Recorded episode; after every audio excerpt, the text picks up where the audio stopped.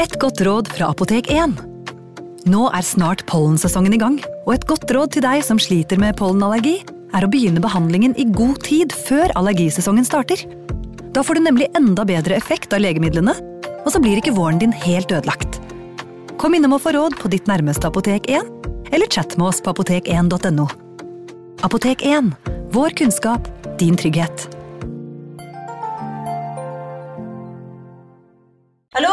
Jeg kommer fra Oslo politikammer. Ine Jansen er purk. Er du purk? The motherfucking bitch. Alt jeg vil, er å finne ut hva som skjedde med mannen min. Jon Carew. Er jeg sikta for noe? Iben Akeli. Det er du.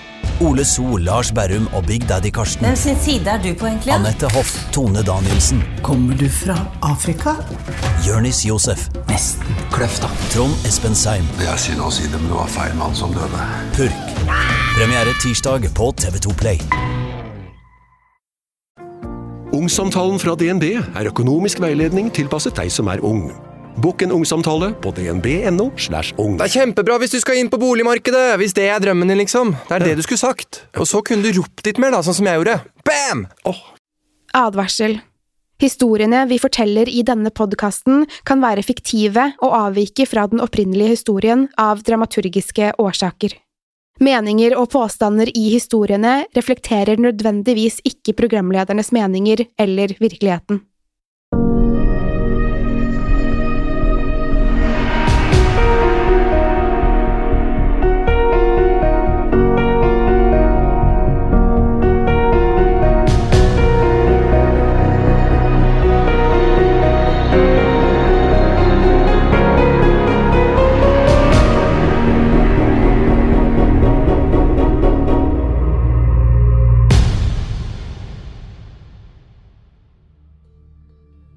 Poveglia er en liten øy utenfor Venezia som på overflaten ser ut som et lite paradis. Den er grønn og frodig med vakker arkitektur, men er samtidig åsted for noen av de mørkeste og mest ondskapsfulle hendelsene i Italias historie. Over hundrevis av år har det vært et siste hvilested for tusenvis av mennesker som har blitt brakt dit mot sin vilje. Det er i dag ulovlig å gå i land i Poveglia, som blir ansett som et av de mest hjemsøkte stedene i hele verden. Men nysgjerrige turister, villige til å betale ekstra, finner stadig lokale fiskere som er villige til å frakte dem til øya. De fleste innbyggerne i Venezia styrer riktignok unna på Vegla, og nekter selv å gå i land på øya.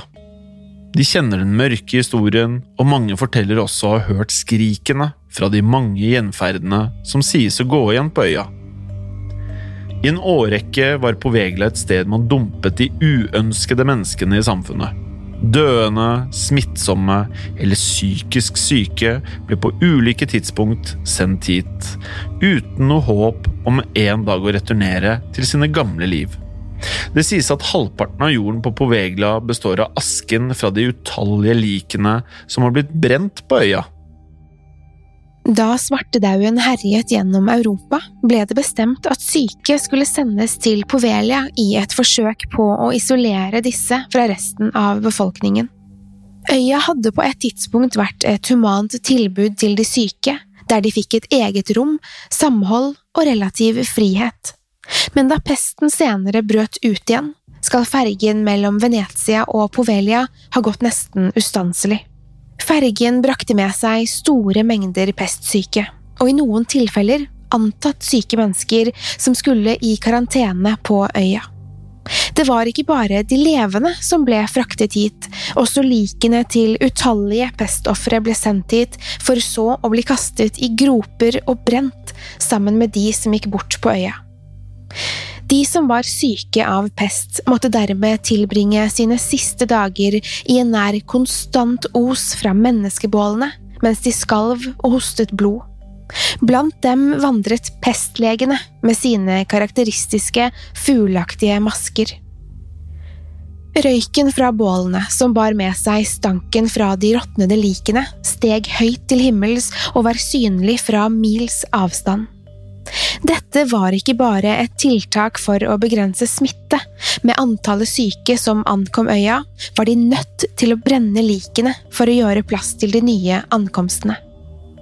Historiene forteller også om at flere mennesker ble brent levende på disse bålene. Da pesten spredte seg som verst, forsøkte de nemlig å brenne likene så raskt som mulig, og flere av de som enda ikke hadde gått bort, ble derfor kastet på bålene av de desperate arbeiderne på øya. På østsiden av øya, på det som ble kalt peståkrene, lå det hundrevis av mennesker og ventet på å dø av sykdommen. Det var ingen hjelp å få. Disse menneskene visste allerede sin skjebne og lå der hjelpeløse i påvente av en pinefull død. Herfra ble de døde fraktet til bålene for å bli brent.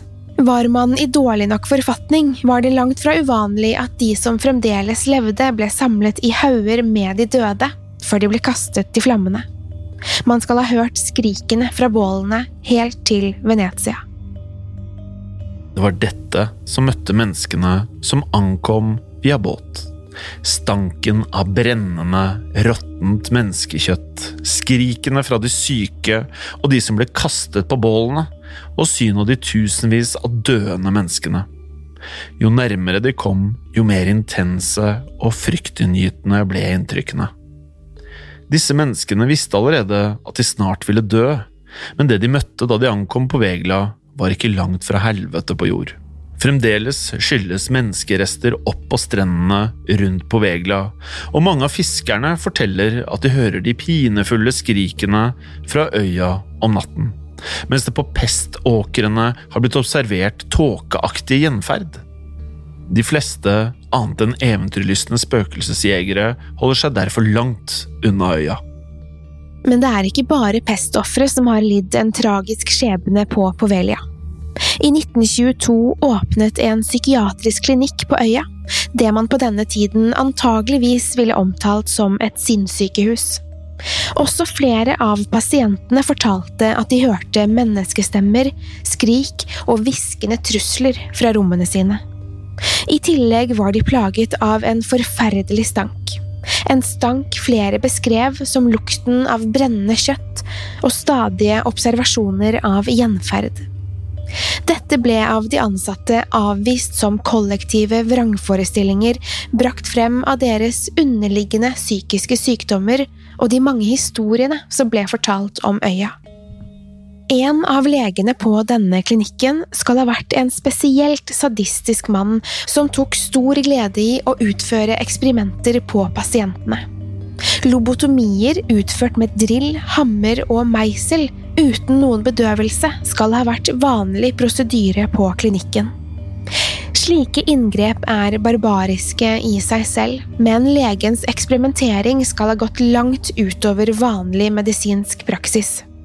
Pasientene skal ha blitt torturert og lemlestet, som ledet til utallige tapte og ødelagte liv. Han valgte ut noen pasienter som han brakte med seg til klokketårnet, der han gjennomførte sine virkelig mørke og umenneskelige eksperimenter. Kanskje var det bare samvittigheten som tynget han, men mange hevdet at legen begynte å høre stemmer som sakte, men sikkert drev han til vanvidd. Han endte til slutt livet sitt ved å kaste seg, eller kanskje ved å bli kastet, fra klokketårnet på klinikken. En historie forteller at legen, etter å ha utført sine morbide eksperiment i flere tiår, selv begynte å se og høre de mange gjenferdene på øya. Legen er først usikker på om han var i ferd med å bli gal, eller om pasientenes fortellinger hadde vært sanne, men stemmene fortsetter å plage han og lokker han til klokketårnet. Kanskje var det åndene fra hans avdøde pasienter som kalte på han. Legen hoppet fra klokketårnet, men han døde ikke av fallet. Ikke umiddelbart, i hvert fall. Han ble liggende på bakken og vri seg i smerte.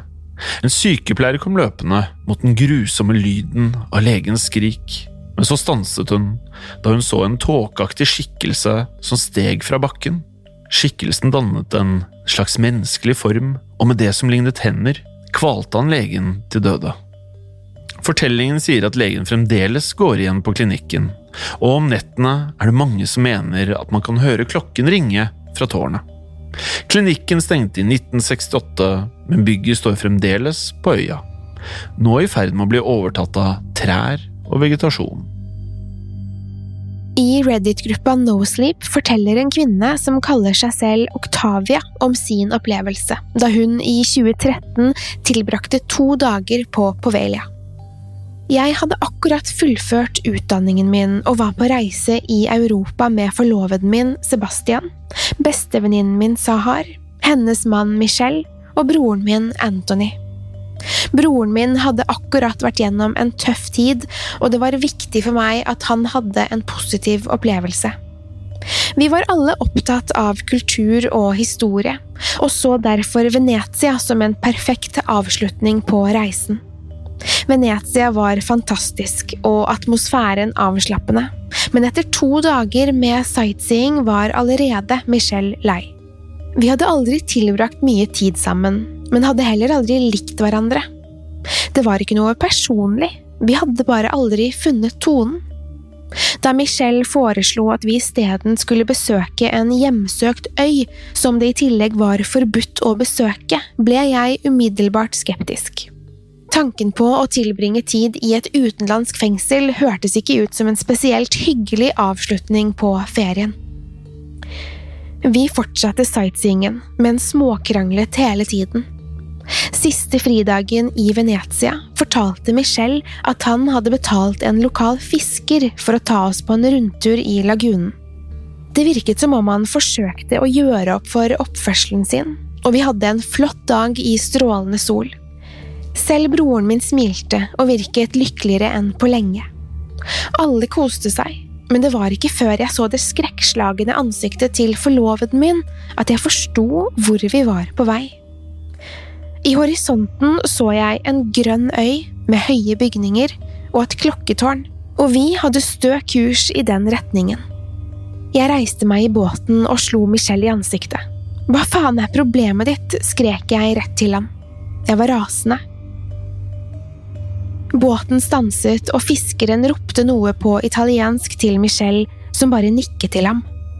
Det var åpenbart at fiskeren ville ha oss av båten, og det virket som om han hadde hastverk med å komme seg videre. Han etterlot oss på stranden. Sahar virket også opprørt. Tårene rant nedover kinnene hennes mens hun mumlet, vi skulle aldri dratt til Italia, og jeg vil ikke havne i fengsel. Michelle vendte seg mot oss. Han virket alvorlig. Jeg er lei for det, sa han. Fiskeren sa han ikke kommer tilbake. Han vil ikke havne i trøbbel, så han sender en venn for å hente oss. Jeg trodde ikke mine egne ører. Vi var fanget her. Hvor lenge var det før vi ble hentet? På dette tidspunktet hadde solen begynt å gå ned, og jeg begynte å fryse. Kanskje det er noen som bor på øya, og at det er derfor det er ulovlig å være her, sa forloveden min i et halvhjertet forsøk på å trøste meg. I så fall kan vi forklare at vi er dumme turister som ble dumpet her. Kanskje vi ikke havner i trøbbel likevel, sa broren min mens vi begynte å bevege oss mot byggene vi hadde sett fra båten. På det tidspunktet ville jeg bare komme meg av øya, om det så betydde at vi havnet i trøbbel med politiet. På vei til bygningene fant vi sigarettstumper, poser og papirer med italiensk tekst og en gammel skjorte. Det var ikke mye å gå på, men vi fikk et lite håp om at vi ikke var alene på øya. Innen vi kom frem til bygget, var det bekmørkt, og vi var nødt til å bruke mobilene våre som lommelykter, mens vi forsiktig trådde gjennom det røffe terrenget. Håpet vårt om å finne andre mennesker døde raskt da vi nådde den første bygningen. Det hadde begynt å regne, og vi ble enige om at det var idiotisk å vandre søkkvåt i mørket, så vi bestemte oss for å søke ly i en av byggene. Bygget lignet en kirke, men det var åpenbart at det ikke var besøkt på mange år, og virket som det var i ferd med å falle fra hverandre. Sebastian, Michelle og Anthony undersøkte bygget, og vi bestemte oss for å slå oss ned på et lite, tørt område. Sebastian, som hadde vært speider, klarte faktisk å lage et lite bål. Det ga ikke mye varme, men en trøst var det mens vi forsøkte å planlegge vårt neste steg. Vi var alle utslitte og samlet oss tett i et forsøk på å holde varmen mens vi sov oss gjennom resten av stormen. Jeg våknet med en følelse av panikk. Jeg hadde aldri vært mørkredd, bålet hadde slukket og rommet var nå bekmørkt. Jeg kunne ikke se noen ting og merket ikke forskjell på om jeg åpnet eller lukket øynene mine. Jeg forsøkte å reise meg, men jeg ble hindret. Det var da jeg innså at jeg var bundet fast til en seng. Jeg ante ikke hvor jeg var eller hvordan jeg endte opp her. Øynene mine forsøkte å tilpasse seg, og jeg fikk øye på et vindu. Regnet hadde løyet. Plutselig forsto jeg at jeg ikke var alene i rommet. Det var noe som sto i hjørnet, og jeg sier noe, for jeg vet ikke hva det var, om det var en mann, eller om det var en kvinne, eller i det hele tatt om det var et menneske. Det hadde på seg en svart drakt og hadde et ansikt som lignet en fugl, med smale øyne og et langt nebb. Jeg lå der uten å si noe eller å røre meg. Skikkelsen begynte å røre seg mot en dør og forsvant i mørket. Jeg følte meg fullstendig hjelpeløs, jeg begynte å hulke, men forsøkte å kvele lyden, i frykt for at skapningen skulle komme tilbake. Jeg lå der i det som føltes ut som en time, til jeg fant nok mot til å forsøke å frigjøre meg fra fangenskapen. Jeg forsøkte å bite meg gjennom bindingene. Det smakte tørket blod og lær, men jeg fortsatte helt til jeg hadde frigjort én arm. Deretter klarte jeg å frigjøre den andre, og deretter begge beina. Da jeg steg ut av sengen, kollapset jeg umiddelbart. All styrken hadde forsvunnet fra beina mine. Jeg krabbet mot vinduet og så nå at jeg hadde på meg en sykedrakt. Jeg la nå merke til blodet på armene og beina mine. Blod fra de stramme selene hadde blitt bundet med. Jeg begynte å gråte igjen mens jeg forsøkte å fjerne det størknede blodet fra kroppen min. Til slutt forsøkte jeg å reise meg opp igjen. Det var mer enn bare blodtap eller skadene fra selene som gjorde meg svak. Det føltes som om jeg hadde blitt dopet ned. Jeg beveget meg sakte og forsiktig ut av rommet og inn i en mørk gang. Etter hvert fant jeg tilbake noe av styrken min og klarte i det minste å stå oppreist uten å lene meg mot veggen. Det var da jeg hørte et forferdelig skrik. Fra enden av den mørke gangen hørte jeg et rop som gikk som et grøss gjennom kroppen min, og som fremdeles hjemsøker drømmene mine til denne dag. Skrik etter skrik, ustanselig. Det var ikke skrikene i seg selv som gjorde meg mest redd, men det var det faktum at det hørtes ut som broren min. Det var nok ønsket om å beskytte broren min som drev meg fremover, og jeg begynte å bevege meg nedover gangen, inn i mørket. Jeg visste ikke hva jeg beveget meg mot. Jeg så ingenting. Jeg holdt armen min foran meg mens jeg forsøkte å føle meg frem. Jeg hvisket navnet til broren min, men fikk ingen svar. Jeg var nærme nå, så nærme at skrikene var smertefulle å høre på. Foran meg så jeg et svakt lys fra en dør. Jeg klarte ikke å puste. Skrikene kom fra det rommet. Jeg fortsatte mot døren, mot lyset, mot skrikene. Idet jeg gikk inn, ble alt fullstendig stille.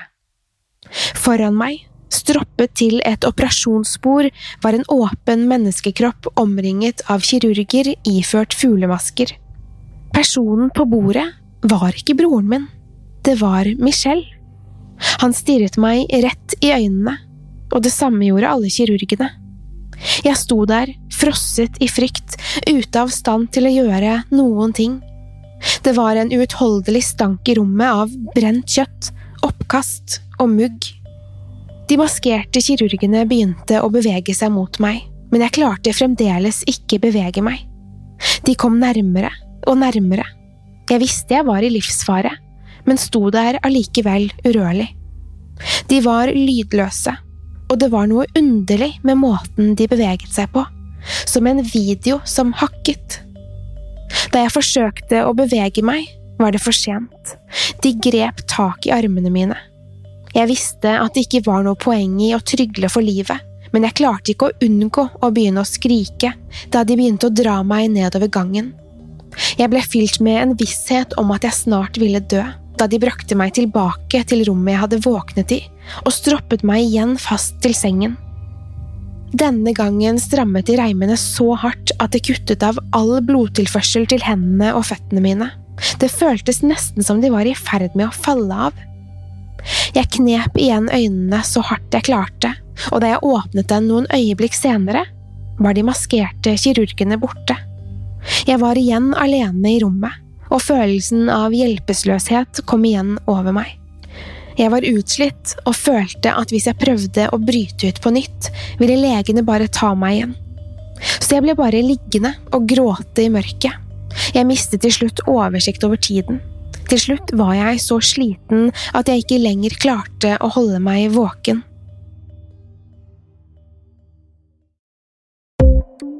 Er du glad i Skrekkpodden, sjekk gjerne ut andre podkaster fra moderne media, som Historiepodden, Mørkeredd eller Truecrimepodden. Podkastene våre finner du der du lytter til podkast, som på iTunes eller på Spotify.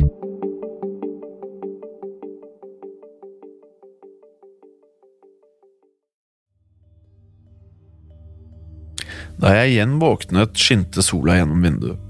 Jeg reiste meg, og reimene rundt håndleddene og føttene bare falt av. Som om de ikke hadde vært strammet i det hele tatt. Eller kanskje noen hadde løsnet i mens jeg sov. Solen ga meg håp og styrke til å reise meg, og jeg utforsket rommet. Det var flere senger i rommet, og de fleste var rustne og snudd opp ned. Jeg fikk øye på en stol i hjørnet, og på stolen lå klærne og skoene mine. Jeg så ikke noe annet i rommet, så jeg skyndte meg bort til stolen og kledde raskt på meg igjen. Da jeg hadde kledd på meg, begynte jeg å tenke på hva jeg hadde opplevd den natten. På Michelle. Jeg beveget meg forsiktig ut av rommet og tittet nedover gangen. Da jeg kom til rommet der kirurgen hadde operert på Michelle, stanset jeg opp. Sjokkert av hva jeg så. Eller rettere sagt, hva jeg ikke så. For rommet, det var tomt. Stanken var også borte. Det var ikke noe blod på gulvet, ingen kirurger med fuglemasker, og det var ingen spor etter Michelle på det tomme operasjonsbordet. Jeg søkte gjennom rommet, men fant ingenting. Jeg søkte gjennom de andre rommene i gangen, men også disse var tomme, og jeg begynte plutselig å føle meg trygg. Jeg kom meg til slutt ut av bygget og forsøkte å finne veien tilbake til den kirkeaktige bygningen der vi hadde søkt ly. Jeg håpet at de andre fremdeles ville være der, og jeg begynte å grue meg til å fortelle dem om hva som hadde skjedd med Michelle. Jeg klatret gjennom de overgrodde ruinene og kom til en gammel vingård, der jeg fant druer som virket greie å spise. Da jeg beveget meg videre, snublet jeg i noe som stakk opp fra jorda. Jeg satte meg opp og børstet jord av klærne mine da jeg la merke til noe som gjorde at jeg ble kastet opp. Opp av jorda stakk restene av en hodeskalle. Tanken på hvor mange lik som hvilte under vingården, gjorde at jeg lovet meg selv å aldri drikke italiensk vin igjen. Jeg kom meg frem til kirken og ble grepet av hvor vakkert det hele fremsto på dagtid.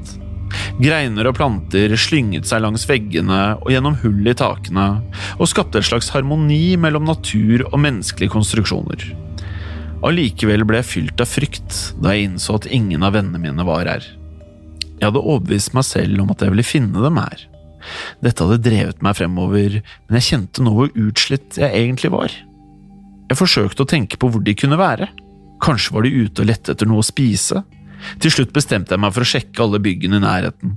Hvis jeg ikke fant dem der, ville jeg lete etter dem på brygga. Kanskje ventet de der, på at fiskerens venn skulle dukke opp for å hente dem? Jeg lette meg gjennom de mange forlatte bygningene. Det begynte igjen å bli mørkt og kaldt, og jeg følte hele tiden at noen fulgte med på alt jeg gjorde. Jeg forsøkte derfor å bevege meg stille for å ikke tiltrekke meg uønsket oppmerksomhet. Det var mange bygg, store og små, alle mer eller mindre i ferd med å kollapse, omslynget av vegetasjon. Jeg entret et bygg som en gang må ha vært et kjøkken, fylt med gamle ovner, komfyrer og vasker. På gulvet fant jeg en gammel lighter som fremdeles virket. Denne lyskilden var nok til å gjøre meg oppspilt. Samtidig fikk jeg øye på noe som beveget seg utenfor vinduet. Jeg beveget meg mot vinduene, men skoene knaste mot knust glass. Utenfor så jeg en måke som hadde landet på bakken. Det er igjen i ferd med å bli kveld, og i løpet av få timer ville hele øya være bekmørk. Jeg skjønte at jeg ikke hadde noe annet valg enn å bli her en natt til. Jeg forsøkte å finne et rom der jeg kunne barrikadere meg inne for natten, og fant til slutt et lite spiskammer like ved kjøkkenet. Det var hull i taket som gjorde at jeg kunne tenne et bål for å holde varmen. Jeg la meg til å sove der, med følelsen av at jeg hadde funnet et perfekt sted for å tilbringe natten. Jeg våknet igjen midt på natten i en vanndam. Det hadde igjen begynt å regne, og jeg lå der søkkvåt og iskald. Bålet jeg hadde laget natten før, var for lengst slukket, og det var nå blitt mørkt. Utenfor døren kunne jeg høre fottrinn, og jeg forsøkte å tenne lighteren, men stanset da jeg hørte at fottrinnene stoppet opp. Jeg holdt pusten. Det var fullstendig stille. Til slutt hørte jeg fottrinnene igjen, mens de sakte forsvant lenger bort. Jeg var iskald, og de våte klærne klamret seg til kroppen min. Så nøs jeg. Jeg hørte fottrinnene igjen. Tunge, raske steg som kom rett mot meg, og endte med et stort smell i døra. Jeg hoppet opp og presset meg mot veggen, og igjen beveget fottrinnene seg vekk. Jeg ble stående, livredd, mens jeg forsøkte å forstå hva det var som beveget seg der ute. Jeg tvang meg selv til å stå helt stille i hjørnet til jeg visste det var trygt å gå ut. Til slutt bestemte jeg meg for å gå ut, for hva enn det var som var der ute, visste jo hvor jeg var. Jeg bestemte meg for å løpe og krysse broen til andre siden av øya. Jeg tok et dypt åndedrag og løp ut av det lille rommet og videre ut av bygningen. Jeg veltet og snublet overalt, men var ikke lenger bekymret for å bråke. Jeg måtte bare komme meg vekk. Jeg kom meg ut og snublet og falt i gjørmen, men så reiste jeg meg. Det var da jeg fikk øye på de maskerte legene. De sto kanskje 20 meter unna og stirret på meg. Jeg skrek og begynte å løpe i retning av broen. Jeg så meg hele tiden tilbake for å se om de fulgte etter meg. Regnet var som nåler mot ansiktet, og idet jeg pustet inn den kalde luften, så føltes det ut som at lungene mine brant opp. Jeg løp så langt jeg klarte, helt til jeg ikke holdt ut mer og måtte stanse og forsøkte å gjenvinne pusten. Broen var nå bare noen hundre meter unna. Jeg hørte en grein som knakk bak meg. Noen fulgte etter meg. Jeg snudde meg ikke og begynte bare å bevege meg, og til slutt spurtet jeg i full hastighet mot broen. Jeg nådde broen og forsøkte å få oversikt over situasjonen. Jeg så ingen bak meg, men det var mørkt og trærne kunne holde mye skjult.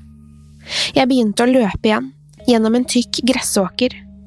Det føltes som om føttene mine klistret seg til bakken, og jeg ante ikke hvor jeg var på vei.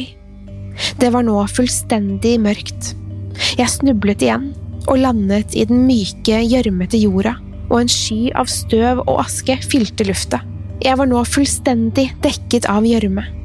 Jeg reiste meg, men kunne ikke lenger huske hvilken retning jeg løp i, eller hvor jeg kom fra. Jeg forsøkte å tenne lighteren, men det tunge regnet slukket den umiddelbart. Langt unna så jeg et lite, flakkende lys, nok til å gi meg et lite håp.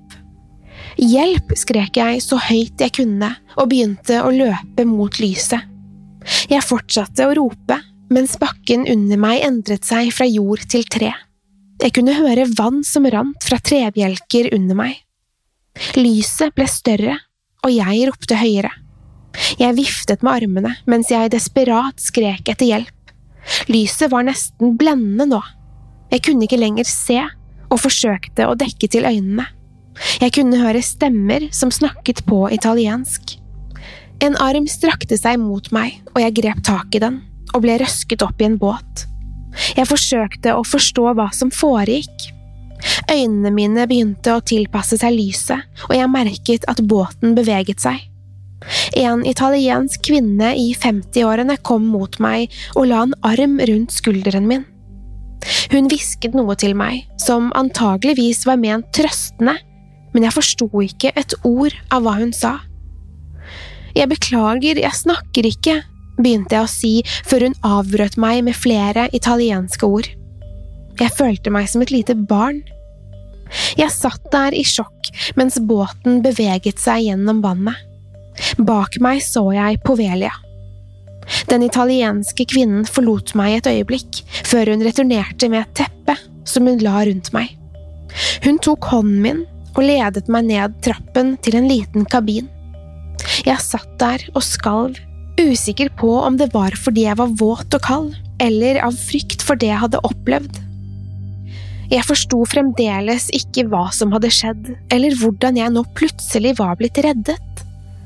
Kvinnen satte seg igjen ved siden av meg og sa et ord jeg kunne forstå. Trygg. Jeg kunne høre liv og røre utenfra da båten la til kai. Jeg steg opp av kabinen og ble umiddelbart møtt av en varm klem fra Sahar, bestevennen min. Jeg hørte også broren min rope til meg. Jeg begynte å gråte igjen. Jeg var virkelig trygg. Og på brygga sto alle de andre, Anthony, Sebastian og Michelle. Michelle stammet jeg frem. Jeg var nesten sint. Alt jeg hadde opplevd, raste gjennom hodet mitt mens jeg forsøkte å forstå hva det var som foregikk. Jeg så deg jo dø! ropte jeg mens jeg klatret ut av båten og over til brygga. Alle så på meg, forvirrede og redde. Sebastian kom til meg og la en hånd på skulderen min. Hva snakker du om, kjære? Hva mener du? skrek jeg. Vi ble strandet på øya. Vi måtte sove i kirken. Jeg pekte på Michelle. Jeg så deg bli kuttet åpen på et operasjonsbord mens du skrek etter hjelp. Alle ble stille. Octavia, du forsvant jo for to dager siden, sa jentene til meg. Jeg forsto ikke hva som foregikk. Nei, vi dro sammen, vi ble jo strandet.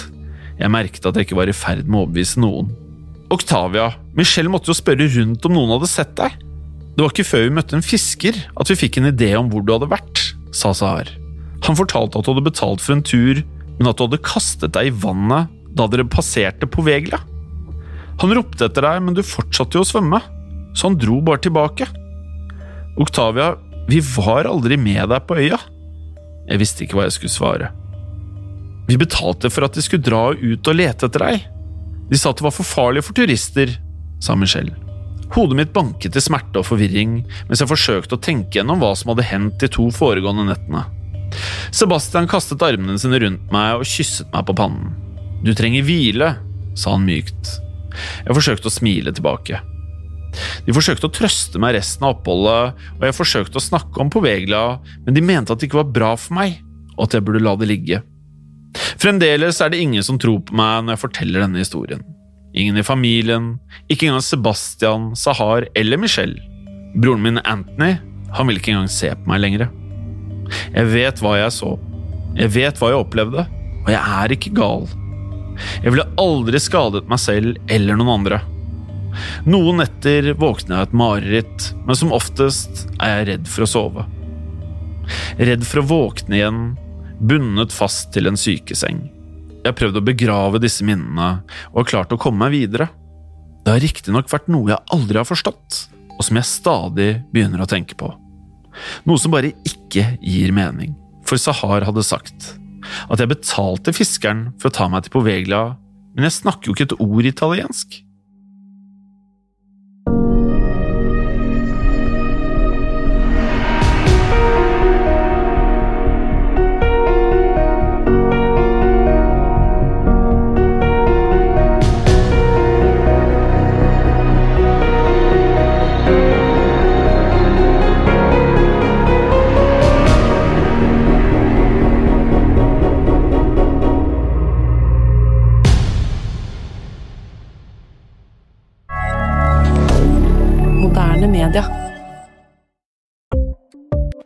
Ukens annonsør er Folio, en smartere banktjeneste for deg som har en egen bedrift eller ønsker å starte for deg selv. Folio er en superenkel nettbank for bedrifter. Som kunde i Folio får du en bedriftskonto med et bedriftskort og app. I denne appen er det smarte løsninger som forenkler regnskapet ditt, uansett om du har en liten bedrift eller et enkeltpersonsforetak. Folio er både intuitivt og brukervennlig, og er laget med et enkelt språk. I tillegg tilbyr de forutsigbare priser og ingen skjulte gebyrer. Skulle du likevel trenge det, så kan du snakke med deres raske og hyggelige kundeservice, og der får du prate med en faktisk person og ikke en chatbot. Folio er med andre ord både enklere og koseligere enn banken. Over 10 000 bedrifter har allerede valgt Folio som sin banktjeneste, så besøk folio.no og se hvordan Folio kan forenkle din hverdag også. Har du et enkeltpersonforetak eller en liten bedrift? Da er du sikkert lei av å høre meg snakke om hvor enkelt det er med kvitteringer og bilag i fiken, så vi eh, gir oss her, vi. Fordi vi liker enkelt. Fiken superenkelt regnskap. Kiwi er billigst i VGs matbørs og har vært billigst i fire av de fem siste VGs matbørser. Og nå presser vi prisene på frukt og grønnsaker. På 200 gram broccolini setter vi prisen til 24,90. På 400 gram Cevita blåbær setter vi prisen til 49,90. Og husk, alle Kiwi Pluss-kunder får i tillegg 15% trumfbonus på all fersk frukt og grønt. For det er vi som er prispresserne. Og vi i Kiwi gir oss aldri på pris.